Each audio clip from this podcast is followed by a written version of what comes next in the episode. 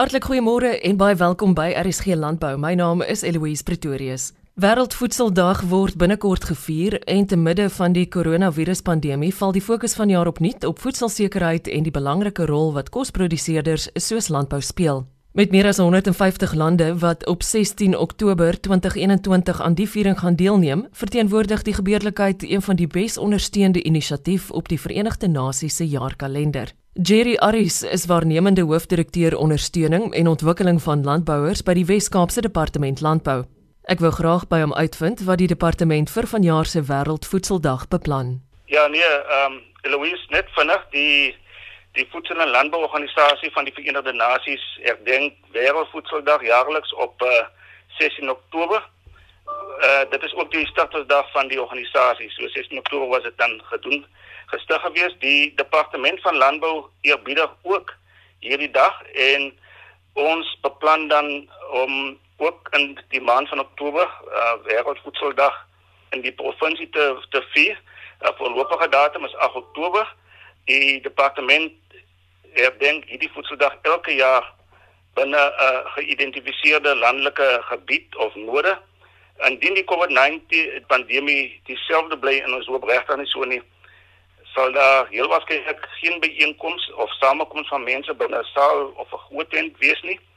Maar ons sal nog steeds die dag eerbiedig.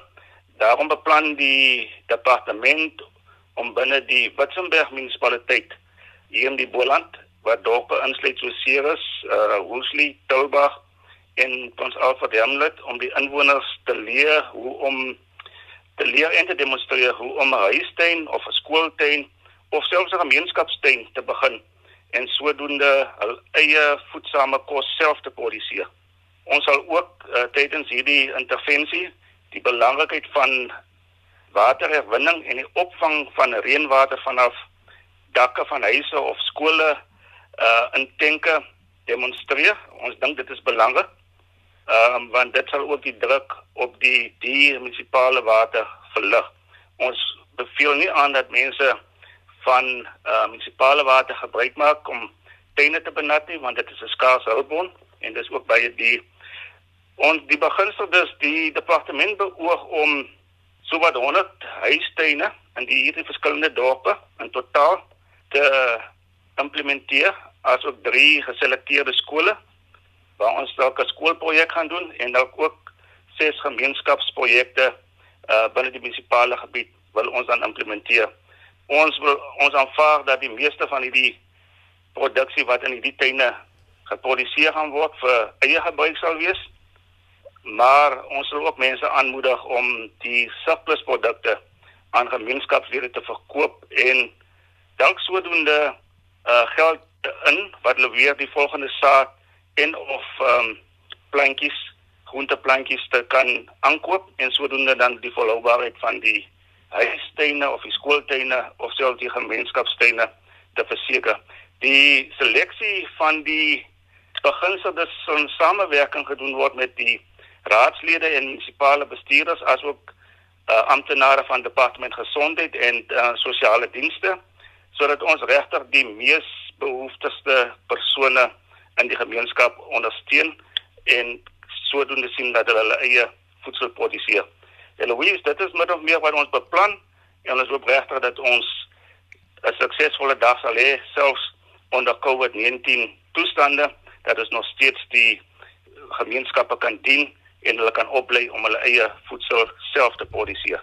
Ja, ek wil net baie dankie sê vir RSG vir die medium om dit te gebruik want dit dra ons boodskap tot in die ver landelike gebiede uit self mense wat ons nooit sien nie laat weet ons altyd dat hulle ons boodskappe kry via die radio en ons is baie bly vir dit wat RSG vir die departement doen baie dankie So gesels Jerry Aris waarnemende hoofdirekteur ondersteuning en ontwikkeling van landbouers by die Wes-Kaapse Departement Landbou 'n gemeenskapsinisiatief wat onlangs deur slakboere in Mpumalanga van stapel gestuur is, iets wat ek met slakboer Wian Koetser van Witrifuur wou bespreek. Ek het hom wel eers uitgevra oor 'n unieke velsorgreeks wat vroeër vanjaar bekend gestel is. Ons het in Maart maand het ons velsorg basies geloods. Jumai is die produk se naam. Ons het saamgewerk met uh, Dr. Batile Kumane, um, die hoof van die farmaseutiese en somatologiese afdeling by uh, eh, TUT in Pretoria. Um, haar navorsing was gedoen op of of gebaseer op botaniese olies uit Suid-Afrika, uit onder andere die uh, Kalahari melon seed oil, die uh, kremetart olie, marula olie en dan ook wat hulle in Engels noem die die, die snake flower. Dit is 'n vetplant. So uh, ons het haar produkte wat sy haar studies op gedoen het gebruik en gekombineer met die slakslaim en toe ons eie produk ontwikkel van daar af 'n 100% natuurlike produk uh, daar's daar's geen chemiese middels of preserveer selfs op preserveermiddels is 'n natuurlike produk so dit is geskik vir enige vel. Um, daar's geen geen allergiese reaksies nie. Die terugvoering wat ons gekry het maar is is fantasties die die aanvraag vir die produk is is besig om al hoe verder te groei elke week basies uh, ons het dit nou omgeskakel amper al van 'n agentskap ook um, vir sekere uh, groepe wat belang gestel het onder andere 'n uh, groot groep uh, belangstellendes uit uh, KwaZulu-Natal gehad en hulle is tans besig om uh, 7000 agente op te lei waarvan die eerste 300 320 agente reeds ons produkte in die veld het. Watter produkte word ingesluit by hierdie reeks?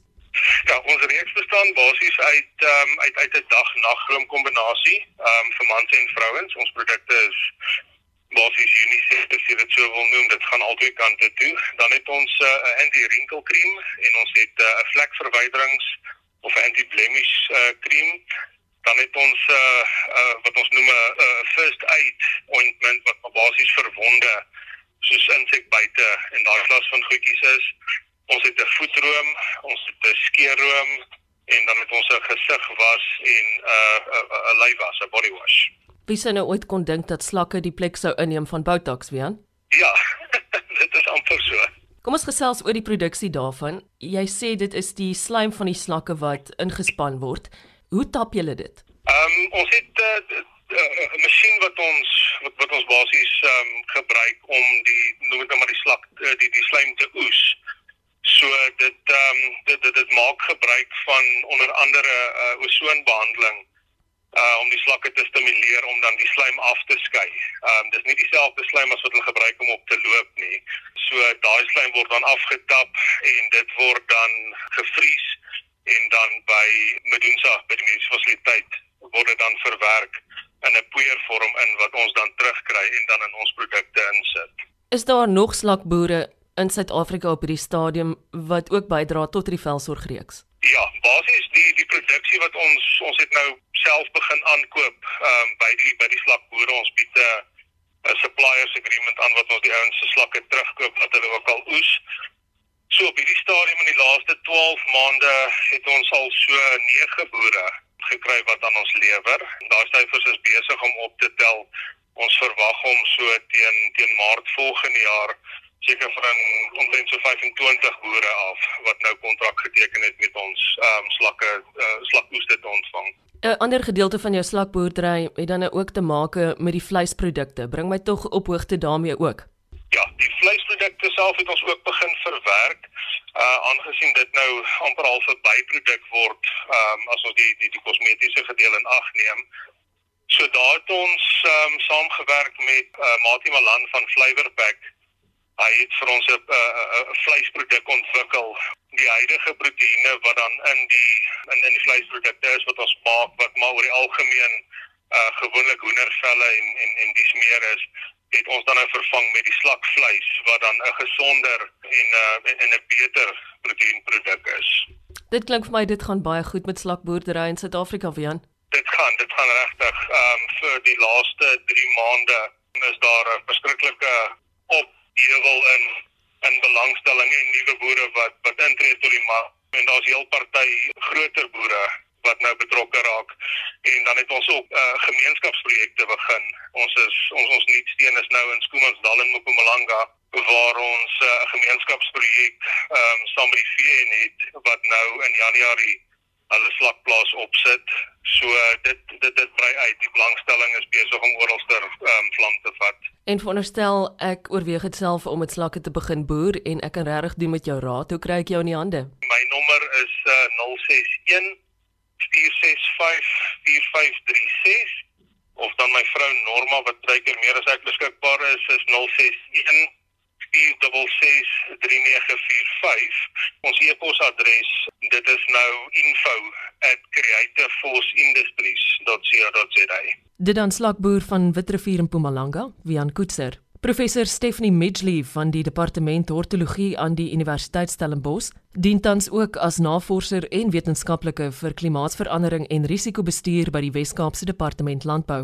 Toekomsrisiko's wat droogtes insluit, 'n onderwerp waaroor ek al wou uitvra. Sy het ook onlangs verskeie gebiede besoek wat juis betrekking het op hierdie navorsing. Ek was onlangs op 'n toer of so moet jy eintlik 'n toer nie, maar dit is 'n reeksvergadering saam met kollegas um, van die Departement Landbou En dit is 'n reeks vergaderings wat hulle twee keer per jaar hou om te kyk wat is die die risiko's vir rampe in in verskillende dele van die provinsie, al die distrikte. So ons dit is my kollegas het 'n subprogram ramprisikovermindering en hulle is in die groot program volhoubare hulpbronverbruik en bestuur. En hulle stel belang om gereeld te kyk of te praat met boere in die verskillende distrikte en ook self te kyk na die veld uh, kondisie en die en die kondisie van landbou oor die algemeen om te kyk waar kan gehelp word om eerstens die die rampe te bestuur soos droogtes of of vloede maar ook tweedens om seker te maak dat hierdie risiko's be, uh, begin uh, aangepak word dat dit verminder word dat ons meer bestand word want in die toekoms gaan daar nie so baie finansiële hulp beskikbaar wees vir om om om vir boere te help nie. So dis baie belangrik dat ons hulle help om om meer bestand te raak. So die um, reeksvergaderings wat ons gehou het nou met met boere en ook hulle te verteenwoordigers was was nou onlangs in die Klein Karoo gebied. Ons het vanaf Oudtshoorn en dan ook van die kleiner dorpies um, en dan Karoo se kant toe en Ladysmith en dan laastens Berrydale het ons met hulle vergader. Dit is eintlik skrikwekkend dat ons dink hier in die westelike gedeeltes van die Wes waar ek nou sit op Elsenburg dink ons nou die droogte is ge, gebreek en weet ons het nou so goeie reën gehad, maar daar's dele van Klein Karoo wat nog bitter bitter droog is. Hulle sit nog altyd met 'n droogte situasie. Dit kom nou al tot 5 in sommige gedeeltes tot 7 jaar het hulle nog op baie min reën gehad. Daar in Oudtshoorn kan maar nasie dam is leeg. Uh, Bespringingsboere het dit baie baie swaar gekry en dit gaan nog baie swaar. So die die idee is dat daar uh, wat gebeur moet en dit is waar my kollegas inkom en ek kan nou nie presies daaroor gesels nie want waar natuurlik vir die diere um, kos um, voorsien en en saad vir die vir die bespringingsboere dat hulle bietjie self kan kan aanplant weer. Maar wat ek ook in belangstel was om te kyk of ons net bietjie meer vooruit kan dink in terme van klimaatsverandering, want hulle fokus het net bietjie geskuif na die na langtermyn bestandheid. So ons moet nou kyk hoe kan ons vir boere help dat hulle begin hulle praktyke verander of of innovasies inbring of nuwe gewasse selfs om so te verseker dat hulle selfs in sulke reg droogtes nog altyd te bestaan kan maak. Ja, my my fokus is nou meer op die klimaatsverandering en en die langer termyn, maar as ons dink aan klimaatsverandering, dit dit, dit, dit gebeur nou. Dit is nie net langer termyn nie. So hierdie droogtes wat ons nou sien, ons klimaatsprojeksies, die wetenskap, dit dit sê nou baie duidelik, ons verwag dat hierdie tipe droogtes gaan nou meer en meer raak. En dit is nie dat die klimaatsverandering die droogte veroorsaak nie, maar dit is sodat dit die droogtes of die selfs oorvloedings en sulke dinge vererger. So ons moet beter beplan en net kyk hoe ons nog lande veral die droë streke van die provinsie sterker kan maak um, dat ons miskien gewasse bring wat wat nie so baie water verbruik nie. Daar's areas waar mense alreeds begin met tusvye en daar's daar's ander moontlikhede van gewasse wat wat kan geld maak. Ja, dit is baie belangrik om direk met die boere te gesels oor die provinsie. Um, ons ons moet van hulle direk hoor wat is hulle probleme wat probeer hulle doen wat hulle reeds probeer doen en wat wat het gehelp en en waar sukkel hulle wat waar ons miskien bietjie um ondersteuning kan bied. So ons gaan dit nou oor al die distrikte um sulke vergaderings hou en vir al die distrikte waar daar nog altyd droogtes is soos in die die noordelike gedeelte van die Weskus distrik uh, in die Matsikama gebied is dit ook nog baie baie droog en dan is dit nie altyd nie net droogtes nie. Ons moet ook gesels met boere waar daar soos byvoorbeeld in my maand was hy oorvloedings in die Oeverberg. En my kollegas het ook daar gaan kyk en met die mense gesels om te hoor wat is waar moet ons ons energie sit en ook finansiële ondersteuning as dit moontlik is om daar die situasie net te verlig. Selfs al het dit in sommige van die dele reeds gereën en die damme begin nou bietjie voller loop, dat dit nog altyd nie beteken dat die boerderybedryf nou aan die gang is nie. So dit gaan nog 'n paar jaar vat voor die weidings vir die veld herstel maar daar genoeg kos is vir die diere byvoorbeeld. En so dit dit is 'n langtermynproses om te kyk. Ons kyk nie net na die okay, nou het dit gereën, nou is die droogte verby nie. Dit dit is dit is 'n baie langer termyn projek. Um, en dan is daar ook die vrugteboere in die in die Klein Karoo en die Ladysmith uh, en Daddydale gedeeltes is daar baie boorde van um, appelkose en perskes en so aan. En van die boere het ook baie swaar verliese gely. Daar is talle talle hektare vrugtebome wat wat verwyder is, um, waar daar net nie meer water was nie om hulle lewe te hou nie.